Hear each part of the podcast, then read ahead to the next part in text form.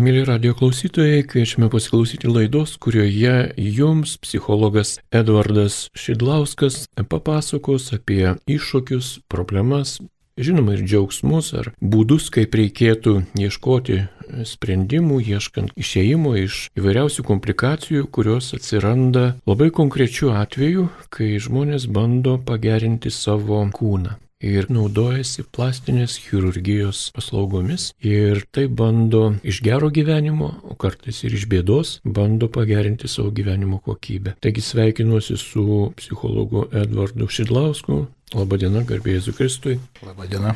Dėkojame, kad sutikote Marijos radio klausytojams papasakoti apie iššūkius, kuriuos jūs kaip psichologai patiriate bendraudami, padėdami žmonėms, kurie vienokiu ir kitokiu būdu patyrė kažkokias teigiamas arba neigiamas emocijas, turi priežasčių nerimauti arba kaip kitaip jaudintis dėl plastinės pagalbos, kuri buvo suteikta jiems. Taigi, ką gero duoda ir kokie pavojai yra bandant pasinaudoti plastinės chirurgijos paslaugomis. Na, manau, gero ten irgi ir blogo yra vienodai, arba daug visko, nes bendrai tai aišku padaro žmogų gražesnį.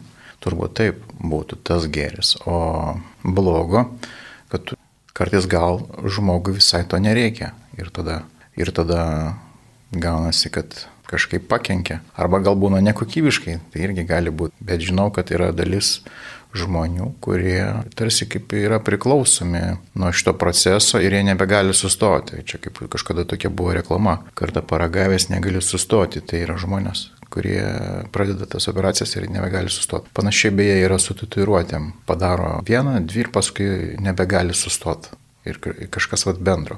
Jos jungia tai, jungia tai, kad kažkoks nepasitenkinimas savo kūnu. Arba kūnas tampa priemonė būdu kažkaip tai spręsti savo kažkokias visai kitas problemas, iš tikrųjų. Ne estetinės, ne kažkokių tai randų padarinius, o ar ten genų, prigimties, o daugiau galbūt, sakykime, psichologinės. Tai čia aš matyčiau tą pavojų arba problemą. O visuma tai, manau, gal visai reikalingas dalykas, jeigu jis egzistuoja žmonių gyvenime. Teko girdėti, kad Nu, toks posakis yra sakoma liaudyje, tai pusė žmonių, kurie pasinaudoja plastinės chirurgijos e, paslaugomis, vėliau anksčiau kreipiasi pagalbos pas jūs. Ar tai tiesa? Na, sunku pasakyti už visus kolegas, aš pats tai tokių nukentėjusių tarsi neturėjau tokių klientų, kad jie ateitų dėl to, jog ne, nevykusiai padarė arba padarė ir paskui persigalvojo, bet esu skaitęs apie panašius atvejus tiesiog literatūroje. Tai Jo pasitaiko, kad, kad pasigailė arba, aš nežinau, persigalvoja ir visko yra čia. Tu prasme, nėra tokio vieno, nežinau, atsakymo dabar šiuo metu. Kokie rūpešiai priveda žmogų jūsų išvalgą kreiptis į medikus? Na, priežastis gali būti labai įvairios, labai įvairios. Aš tai sakyčiau, kad e, kaip psichologas galbūt būčiau vertingas iki tos paslaugos. Na, nu, aišku, ir po galima ten kažkaip tai padėti ir, ir taip toliau, bet esmė yra turbūt tokia, kad e, man, kadangi esame čia Marijos radijoje ir tai vis tik tai katalikiška dominuoja, sakykime, tokia atmosfera, tai man norisi per tą prizmę pažiūrėti į tą reikalą tokį terapinį. Ir e, vat, religijos, krikščionybė, požiūrė, aš taip įsivaizduoju bent jau, yra toksai, tokia ištara tiesie tavo valia, ar ne? Tai kažkaip tai būtų aišku, kad nereikia tada nieko. Man, man tai atrodo, kad tai kas duota, tai nešk tą savo kryžių. Ir čia yra iš tikrųjų labai daug bendro su psichologija, nes psichologai mes irgi to e, mokom, arba tiksliau bandom, bandom padėti žmogui tapti laisvu. Tai yra priimti gyvenimą, koks jisai yra, be konflikto vidinio. Ir e, va čia va yra tas bendras taškas. Tai žmonėm, kuriem nepavyksta priimti gyvenimo, o konkrečiai šiuo metu mes kalbam savo kūno arba kažko ir daugiau, jie atsiduria arba pas psichologą, arba galbūt kai kada pas kunigą, kai kada pas plastinį chirurgą. Tai aš matyčiau, va čia tokia pasiekmė, kaip vadinkime, konfliktas, vidinis neurozė, e, kada žmogus nori to, ko nėra arba ko jam nereikia galbūt. Tai ir tada aišku, vėliau ar anksčiau jisai, kad ir gavęs tą savo, nu kaip išlepintas vaikas, jis gavęs tą žaislą, gavęs tą prabangą kažkokią, tai džiaugsmą laikiną, jisai iš tikrųjų dar labiau paskui kenčia. Tai va čia galbūt matyčiau tą problemą. Na, jūs paminėjot pagalbos rūšis. Viena iš jų yra plastinio kūno modeliavimo chirurgas. Arba psichologas, arba kunigas.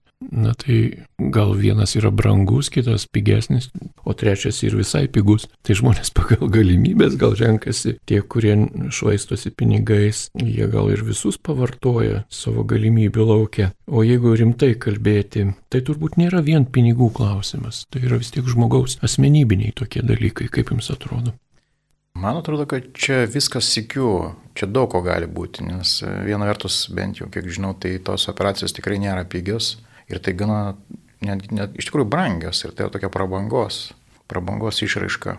Kita vertus, taip, aš manau, žmogus, kuris aktyvus galbūt gyvenime yra, galbūt turi tų pinigų, verslą ar panašiai, tai jis turbūt, jo, jis išbandys ir daugiau galimybių, gal jis ateis ir, ir pas psichologą, ir dar kažkur tai, ir, ir pasitars ir su vienu, ir su kitu, ir apgalvos, apmastys, ir vis dėlto tada spręs problemą. Bet tai čia toksai visai, man atrodo, sveikas požiūris, tu prasme, jeigu žmogus e, tarėsi, galvoja ir sprendžia realią problemą, tai čia kaip ir viskas tvarkoja, tai yra gyvenimas, tai yra natūralu ir mes jas sprendžiam, mes visi sprendžiam kiekvieną dieną kažkokias užduotis, atsiriamdami į savo kažkokius tai išteklius, vidinius, išorinius, nesvarbu. Tiesiog tai yra galimybės ir yra problemos ir mes sprendžiam. Ir kai kada taip užtenka tiesiog, man atrodo, čia yra tokio prancūzo rašytojo, mąstytojo, užkrito pavardė, ištara, kad e, dauguma žmonių problemų kyla iš negebėjimo tiesiog ramiai pasidėti namie. Tai Tai sakyčiau, kad va, čia galbūt yra apskritai klausimas ne apie plastinės operacijas, bet apie tai, kad žmonės nepriema gyvenimo, nepriema savęs, jie turi kažkokių įgeidžių, jie yra išlepinti, galima tai pasakyti, arba turi kažkokių neadekvačių norų, svajonių. Ir tada bet kuriu atveju, nesvarbu, kas tai bus, ar plastinė operacija, ar kažkokia gal išvyka aplink pasaulį, arba ten prabangus automobilis, ar galbūt būtas, ar namas, ar ten kažkokie drabužiai, ar dar kažkas, bet, bet kas, visą tai gali kenkti ir žalot, nes tai, na, yra kažkoks tai kaip perviršis, persistengimas, kaip sako, gavo trūkį, nes persistengia. Tai aš matau, kai kada žmonės gana vat, tokį, tokį dvasinį trūkį, psichologinį trūkį, nes jie tiesiog, tiesiog bandydami užpildyti tokią, sakyčiau, vidinę tuštumą, ieško tokių išorinių stimulacijų kažkokiu manipulacijų daiktais, išvaizda, drabužiais, brangiais daiktais, kaip ne, gal dar kažko, bet tai nėra niekada pastovu, visada tai laikina. Tai tarsi kaip kramtama guma, o toks efektas, tas saldumas yra kelias akimirkas, bet problemas tai neišsprendė ir vėl po to alkamas esi. Ir tada, aišku, einant matoliau, tiek, kiek leidžia galimybės, kiek leidžia sveikata, ar finansai, ar dar, ar protas, ar vaizduoti, Ir taip žmogus dažnai nuklysta labai toli, labai labai giliai į mišką, į diglius tam tikrus ir aišku, labai liūdna stebėti, kai, kai, kai taip nutinka. Bet gal nesta taip viskas dramatiškai, kaip čia aš dabar bandau taip pavaizduoti. Bet to dramatiškumo tikrai šioje istorijoje yra. Ir jo yra daug ir jisai, tas, sakykime, kelias šitos žmogaus veiklos, kaip pagražinti save arba pagerinti save arba retušuoti save po kokios nors katastrofos, auto įvykio, karo pasiekmės yra jau su istorija. Man teko matyti Europos vienoje šalyje, muziejuje pirmo pasaulinio karo veteranų uniformas, kurios yra pritaikytos tiems kariams, karininkams, kurie karo laukia neteko, sakykime, pusę veido arba, arba kūno dalies. Ir tos uniformos ir buvo padarytos tokios su, reiškia, uniforminė medžiaga, pridengiant vietas, kurios yra žiauriai sudarkytos karo ir tos uniformos papuoštos ordinais, medaliais ir, sakykime, pusę veido dengia tiesiog kamufliažinė medžiaga. Ir mes suprantame, kad tai yra,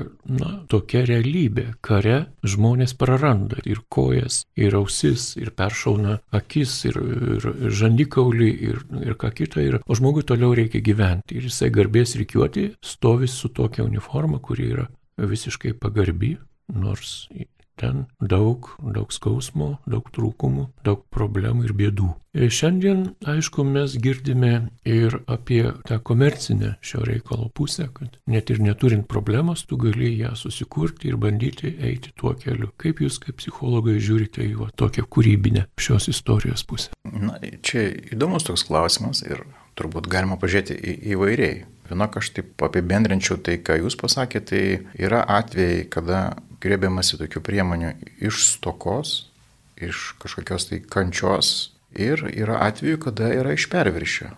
Ta prasme, kad, kad yra viskas natūralu, gerai, bet tiesiog norisi dar geriau. Tai vieni bando pasivyti tą normą, nors kažkiek atitikti tą normą, būti panašus į visus, Čia kalbant apie tos karo sužeidimus, ar nebūtinai karo, galbūt yra avarijos, yra ten kokia gamybinė darbo trauma ir panašiai, arba kad ir gimus, galbūt kai kada turima kažkokių bruožų, kurie labai trukdo pritapti arba, tarkim, sukelia patyčias žmonių tarpe mažai sąmoningų. Tai, va, tai yra tas toka ir peršis. Tai sakyčiau, kad yra įvairiai ir, ir nebūtinai blogai, nebūtinai vien tik tai, aš sakyčiau, turi teisę tie, kas stipriai sužeisti kare, Ir jau čia va, tarsi pateisinama, kad jie va, tikrai kovoja už visuomenę, gynė ją ir dabar nukentėjo, ten apdegė ar neteko kažkokių tai dalių kūno ir jau jo, jiems tarsi galima. Be abejo, aš už, kad tikrai taip, nors, kaž, nors kažkiek, kad visuomenė jiems atmokėtų, kažkaip atsidėkotų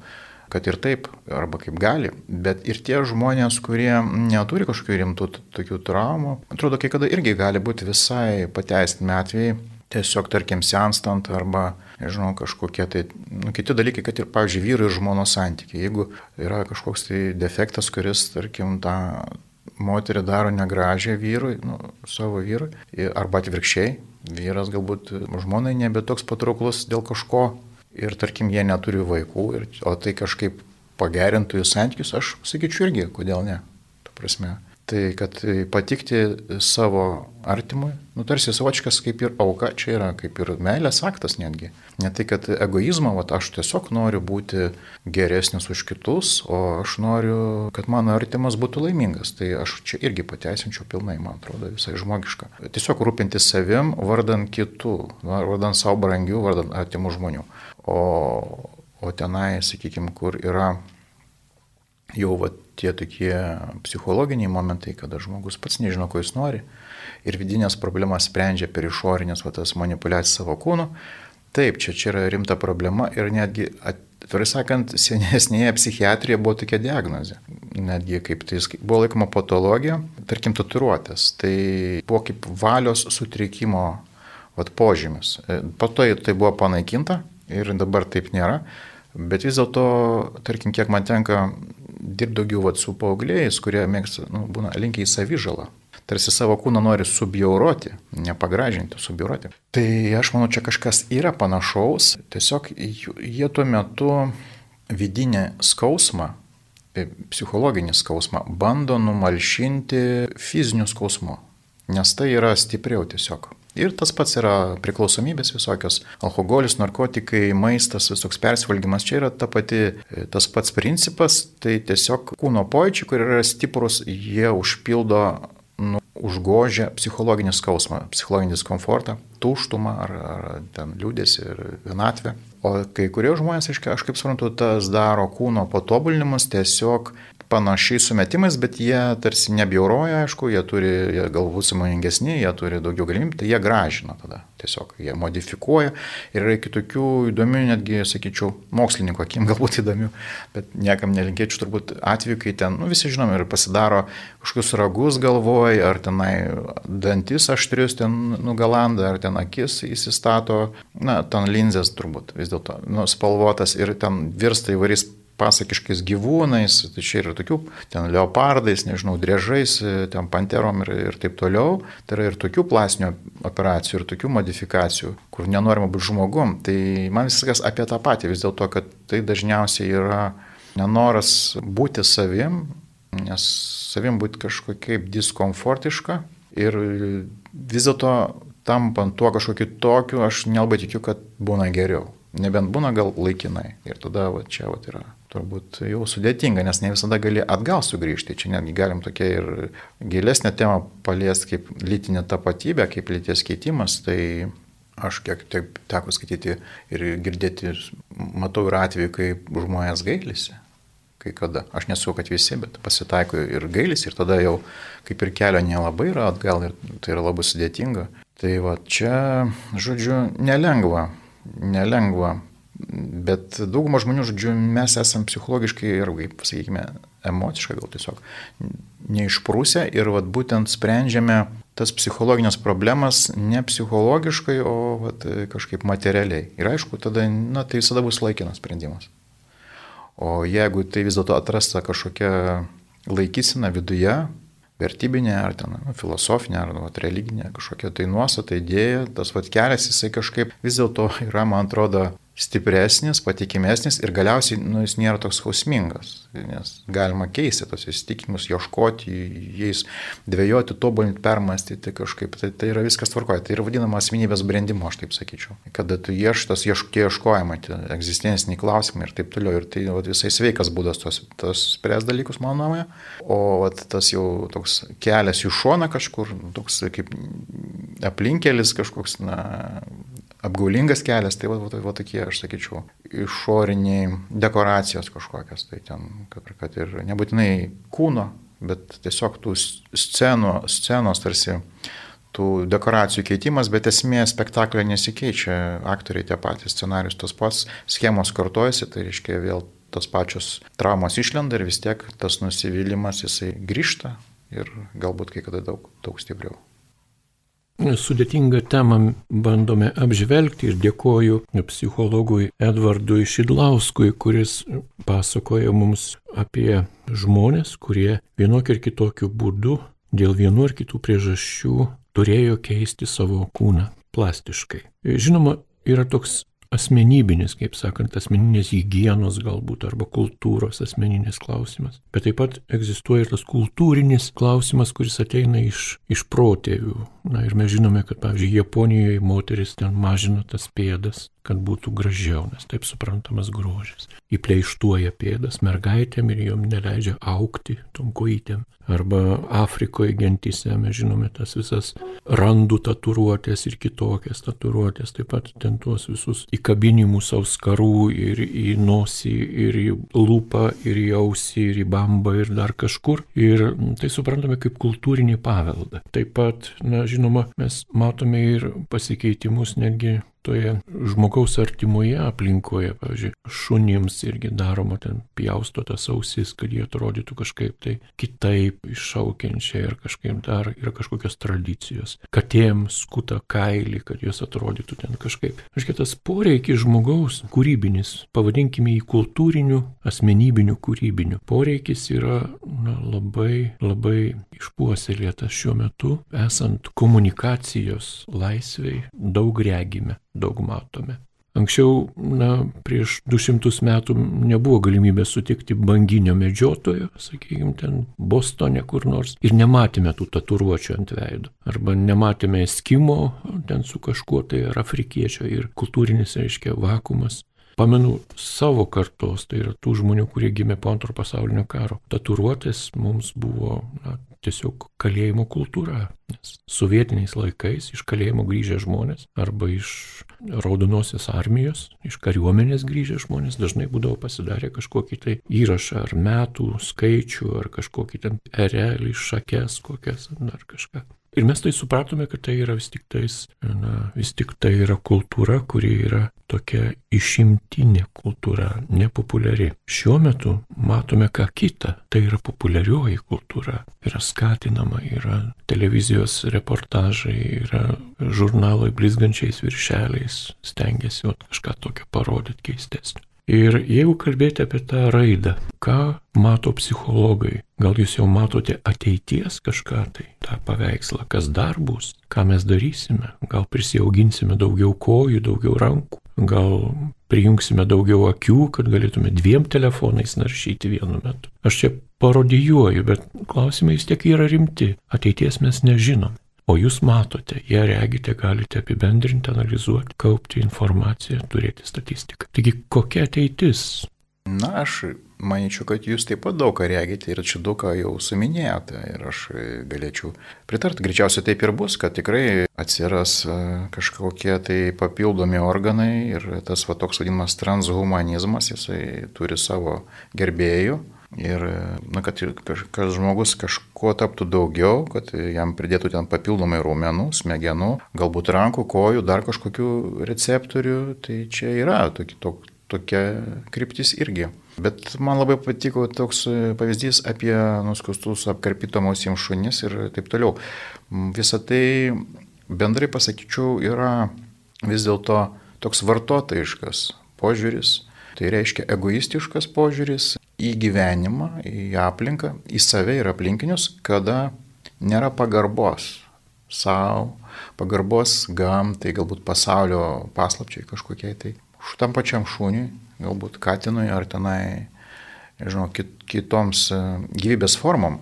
Ir tada iš to vartotojiško požiūrio tai leista viskas, nes aš pats savo įstatymas, pats savo matas esu žmogus kaip toks mano įgeidžiai ir viskas mano patogumui. O kadangi Mes gyvename nuolat persisitinančioje viskuo, visuomenė ir civilizacijoje, informacija, ko tik nori ir ta, tai virsta tuo, kad ieškoma vis naujų pramogų, vis naujų formų, kad naujai kažkaip tai rieštų akį ir dirgintų emociškai ir tada gimsta tokie visokie monstrai, sakyčiau civilizaciniai, nes galimybės tai didėja tiek chirurginės, tiek mokslo apskritai ir genų inžinierija, čia kitas klausimas ir ir nanotehnologijos, ir visa kita, ir visa kita.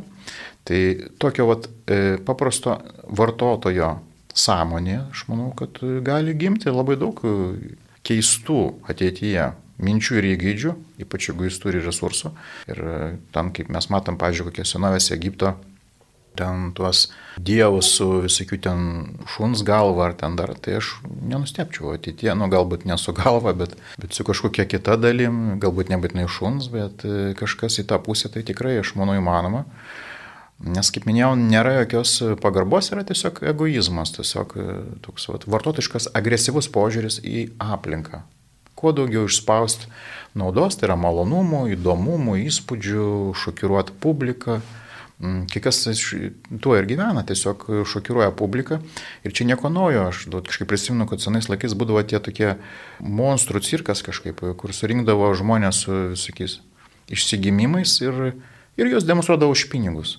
Ir, ir, ir ta prasme, kažkaip tai buvo galima galbūt ir pragyventi tam cirko direktoriui ir tiem monstram na, kurie aišku gal ir nebuvo, nu jie tikrai nebuvo kaltie, nebuvo pasirinkę to, bet kai kada netgi, kiek žinau, ir buvo tyčia traumuojami, kad būtų kuo bjauresni ar keistesni, nes tai patraukdavo žiūrovų akį ir tai tada garantuodavo didesnį pelną.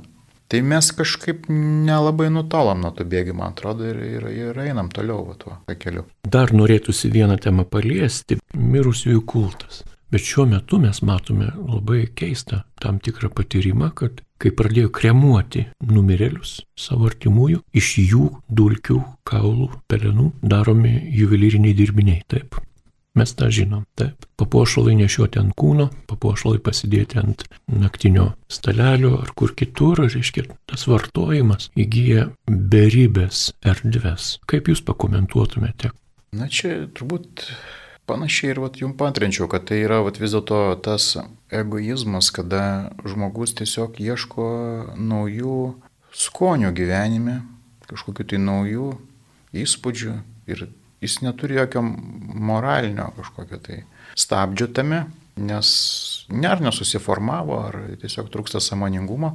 Ir, nu, žodžiu, tas va, toks rūpinimasis tik savo interesais, savo skrandžiu, džiuginimu savo, savo širdies, kas kaip ir visai gerai rūpintis savim viena vertus, bet jis yra jau toks hipertrofuotas. Tarsi, nu, tai yra tiesiog, paprastai tariant, išlepinto vaiko. Nu, vat, provaizdis tai yra išlepinti ir ne tik vaikai, bet ir suaugę. Ir, ir mes jų turim labai daug. Ir tada jie savo gali leisti labai daug dalykų. Bet kokie, nu, kiščiausi įgūdžiai, tik jeigu leidžia galimybės, yra patenkinami. O jeigu grįžti, va, tarkim, netgi prie religinių temų, tai man atrodo, toks e, buvo interviu, berots su Arūnu Peškaičiu. Ir jisai kažkaip paminėjo apie tą pačią religiją ir tikinčiosius, kai kurie tiesiog sako, čia jau užsiema tokia kažkokia komercija ar ekonomika religinė, aš neatsinu, kaip jis pavadino, nu, ta prasme, kad žmonėm tai tiesiog kažkokia paslauga, tai jam kažkaip leidžia komfortiškiau jaustis ir dėl to jam to reikia. Bet tai nėra va, dvasinis kelias, tai nėra va, tos egzistencinės kažkokios paieškos arba pasirinkimai, kurie jau kyla iš meilės ir pagarbos. O čia kyla iš egoizmo. Vat man reikia, man reikia, nes man taip patinka. Man taip saugiau, man taip maloniau ir taip toliau. Tai vat yra problema ta, kad išlipti iš tos vartotojiškos sąmonės nėra lengva, nes tai yra labai galinga jėga. Ir tas, kaip, vadinkime, tas išlepinto vaiko noras džiaugtis tiesiog viskuo be saiko perauga į rūpestį kitais, čia labai ilgas kelias. Ir nesvarbu galbūt kur jis pradės eiti tuo keliu, bet, bet tai nėra lengva. Ir už tai visada dauguma visuomenės na, bus vis dėlto vartotojai, aš manau, bus tiesiog daugiau gyvūnai negu žmonės, dėja, gal čia taip žiauriai aš sakau. Ir tų, kurie jau yra vis dėlto labiau žmonės, jų pareiga kažkaip juos vis dėlto tos kitus žmonės kviesti, kažkaip į tą, aš manau, samoningesnį buvimą, į tokį prasmingesnį buvimą ir parodyti, kad uh, Na, kaip man atrodo, tose Leimono gesmiai, kad, na, viskas tuštybė, tuštybė ir galiausiai visko išbandęs, turėjęs ten dvarus, krūvas moterų, gerės vyno, visko valgęs, visur buvęs, jis galiausiai supranta, kad tą tuštumą jis gali užpildyti tik dvasiniais dalykais. Tai čia ir Maslo piramidė tą patį sako, kad aukščiausia žmogaus raidos pakopa tai yra dvasinė vat, saviriška, tai nu, jį patenkinus tos visus poreikius, tada jau vis tiek galiausiai prieini prie to, kad jokiom bulkutėm, jokiais ten silikoniais pakaitalais kažko ar panašiai, niekada tu neužkim šito dvasinio alkio. Tai aš tiesiog atlinkėčiau, tai vyktų greičiau, bet aišku, čia nedaug nuo manęs priklauso. Taip, jūs pakreipėt labai įdomių kampų pokalbį apie plastinę chirurgiją, operacijas ir kuo gali žmonės dabar džiaugtis kaip mokslo pasiekimais, bet užsiminėte apie džiuginimą, džiuginimąsi būtent savęs, tai yra toks alter ego, toks ego. Ir dirginimas, o tai reiškia dirgintis ir džiugintis. Gal galėtumėte truputį, kaip sakyti, daugiau papasakoti apie priežastis, kodėl žmogui ateina toks na, laikas gyvenimo, kai jam tampa tas dirginimasis toks, tampa svarbus. Ar jis kažko nepriauga, ar jis peršoka kokią pakopą, kaip yra. Aš manyčiau, kad tai yra tokia pradinė stadija, kada mes esame daugiau gyvūnai negu žmonės. Tiesiog mes gyvenam daugiau jūslėmis, patinka, nepatinka, na, emocijos, pojūčiai kūno ir tada tiesiog ieškom pramogų, tokie bonvivanai, nu, lengvo gyvenimo medžiotojai. Ir, ir tai yra galbūt, sakyčiau, pradžia ir vaik, kada yra vaikas, tai suprantama, jisai džiaugiasi gyvenimu, jisai ragauja maistą, jis vaikšto basas žolę, tai gražu.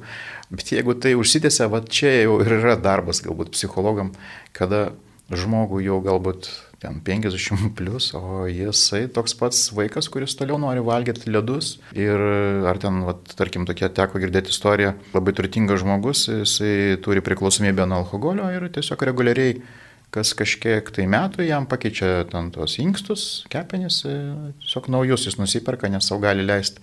Ir toliau jisai vartoja tą alkoholį ir, ir jisai nieko nesirašo daugiau keisti. Tai va tas, e, čia sakyčiau, pradžia. Tiesiog raidos stadija tai yra pradžia, kai mes, mūsų valdo jūslinė tiesiog prigimtis ir tai yra gražu, bet tai yra liūdna, jeigu tai užsitęs ir neperaugai kažką daugiau.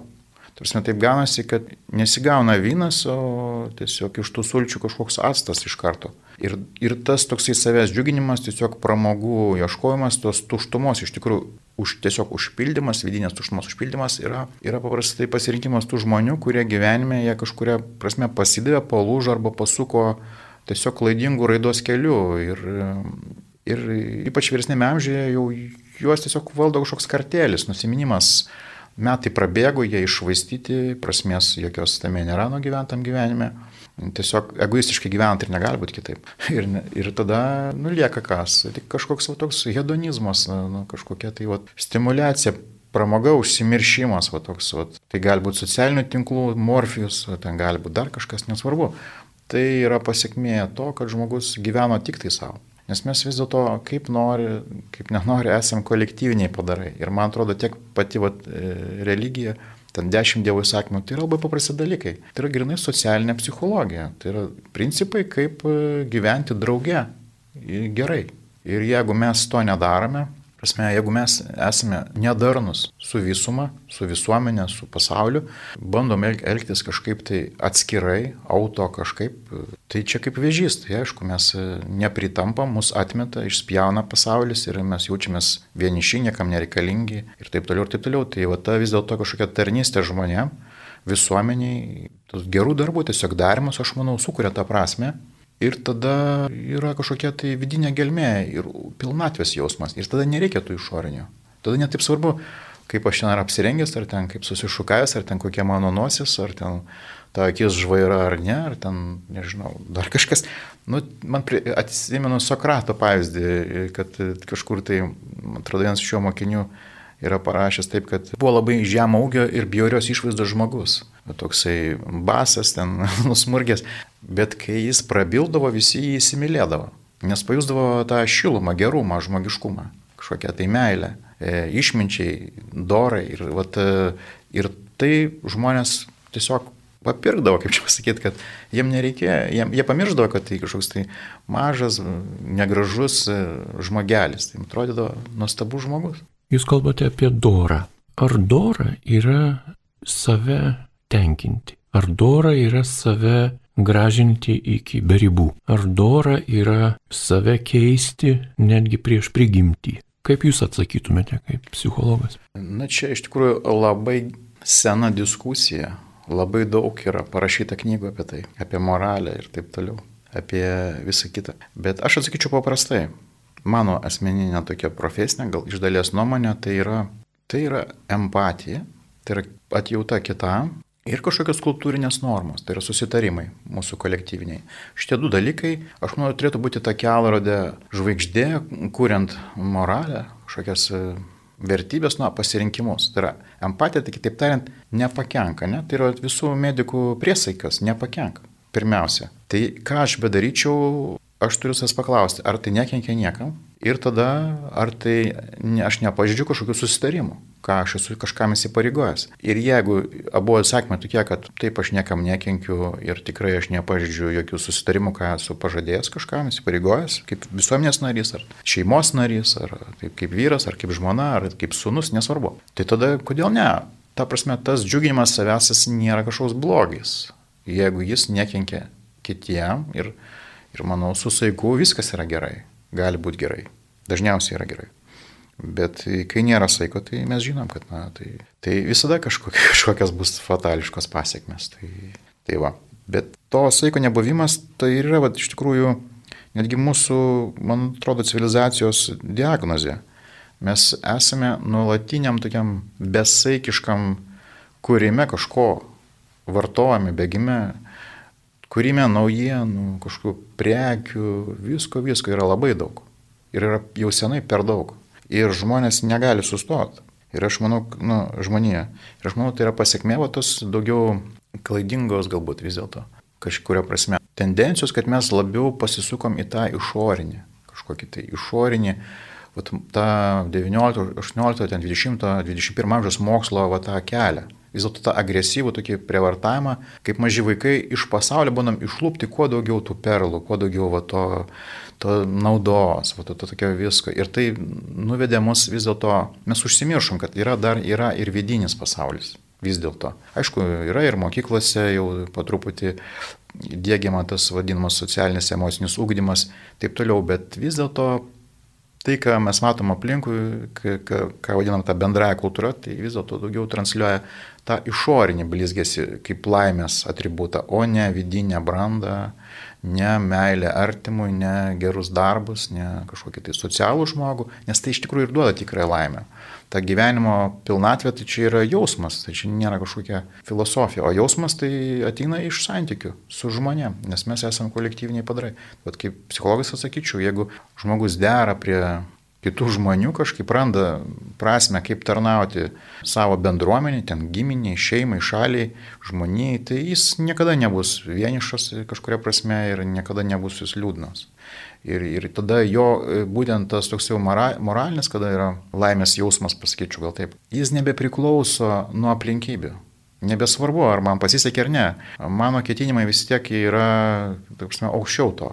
Tarsi, tai yra tarsi aš tampu laisvas nuo, nuo tokių dalykų e, kaip sėkmė, nes mano gyvenimo tarsi pagrindą sudaro, na tiesiog būti būt dorų, tarkim, moralių žmogum, gerų žmogum, padėti kitiem ir kiek galiu padedu ir tada visais atvejais aš džiaugsiuos. Ar mažiau padėjau, ar daugiau, bet vis tiek aš kažkaip taip matau.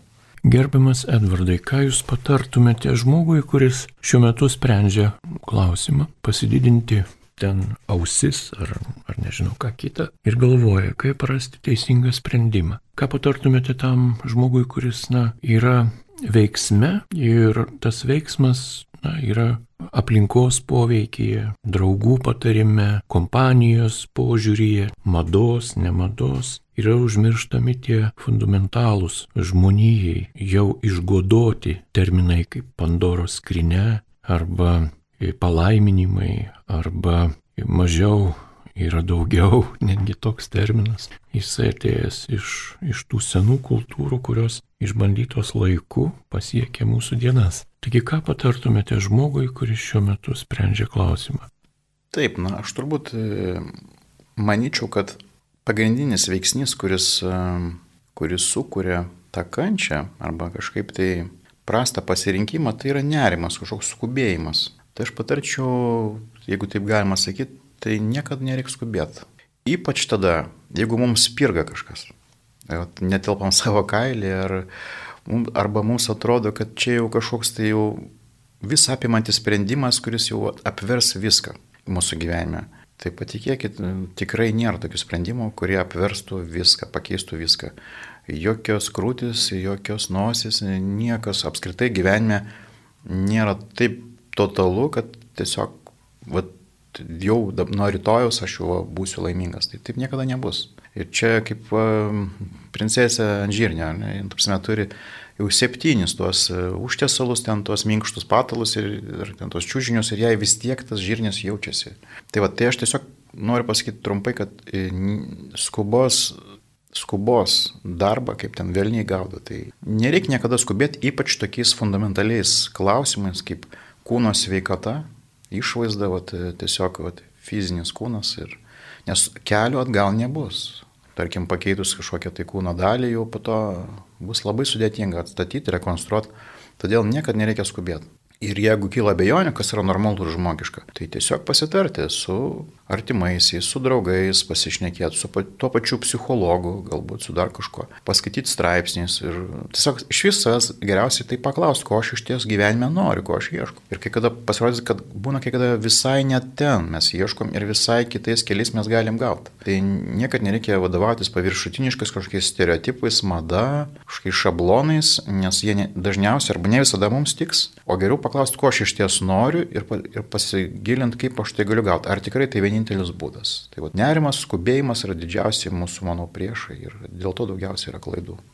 Na ir pabaigai, ką patartumėte tiems gydytojams, daktarams, kurie atlieka tokias operacijas? Na, čia sudėtingiau galbūt, aš e, nežinau, tai jie tiesiog dirba savo darbą, yra instrumentai, tarsi kaip, kaip e, daro tos už, užsak, ko, ko prašo, tą jie ir daro.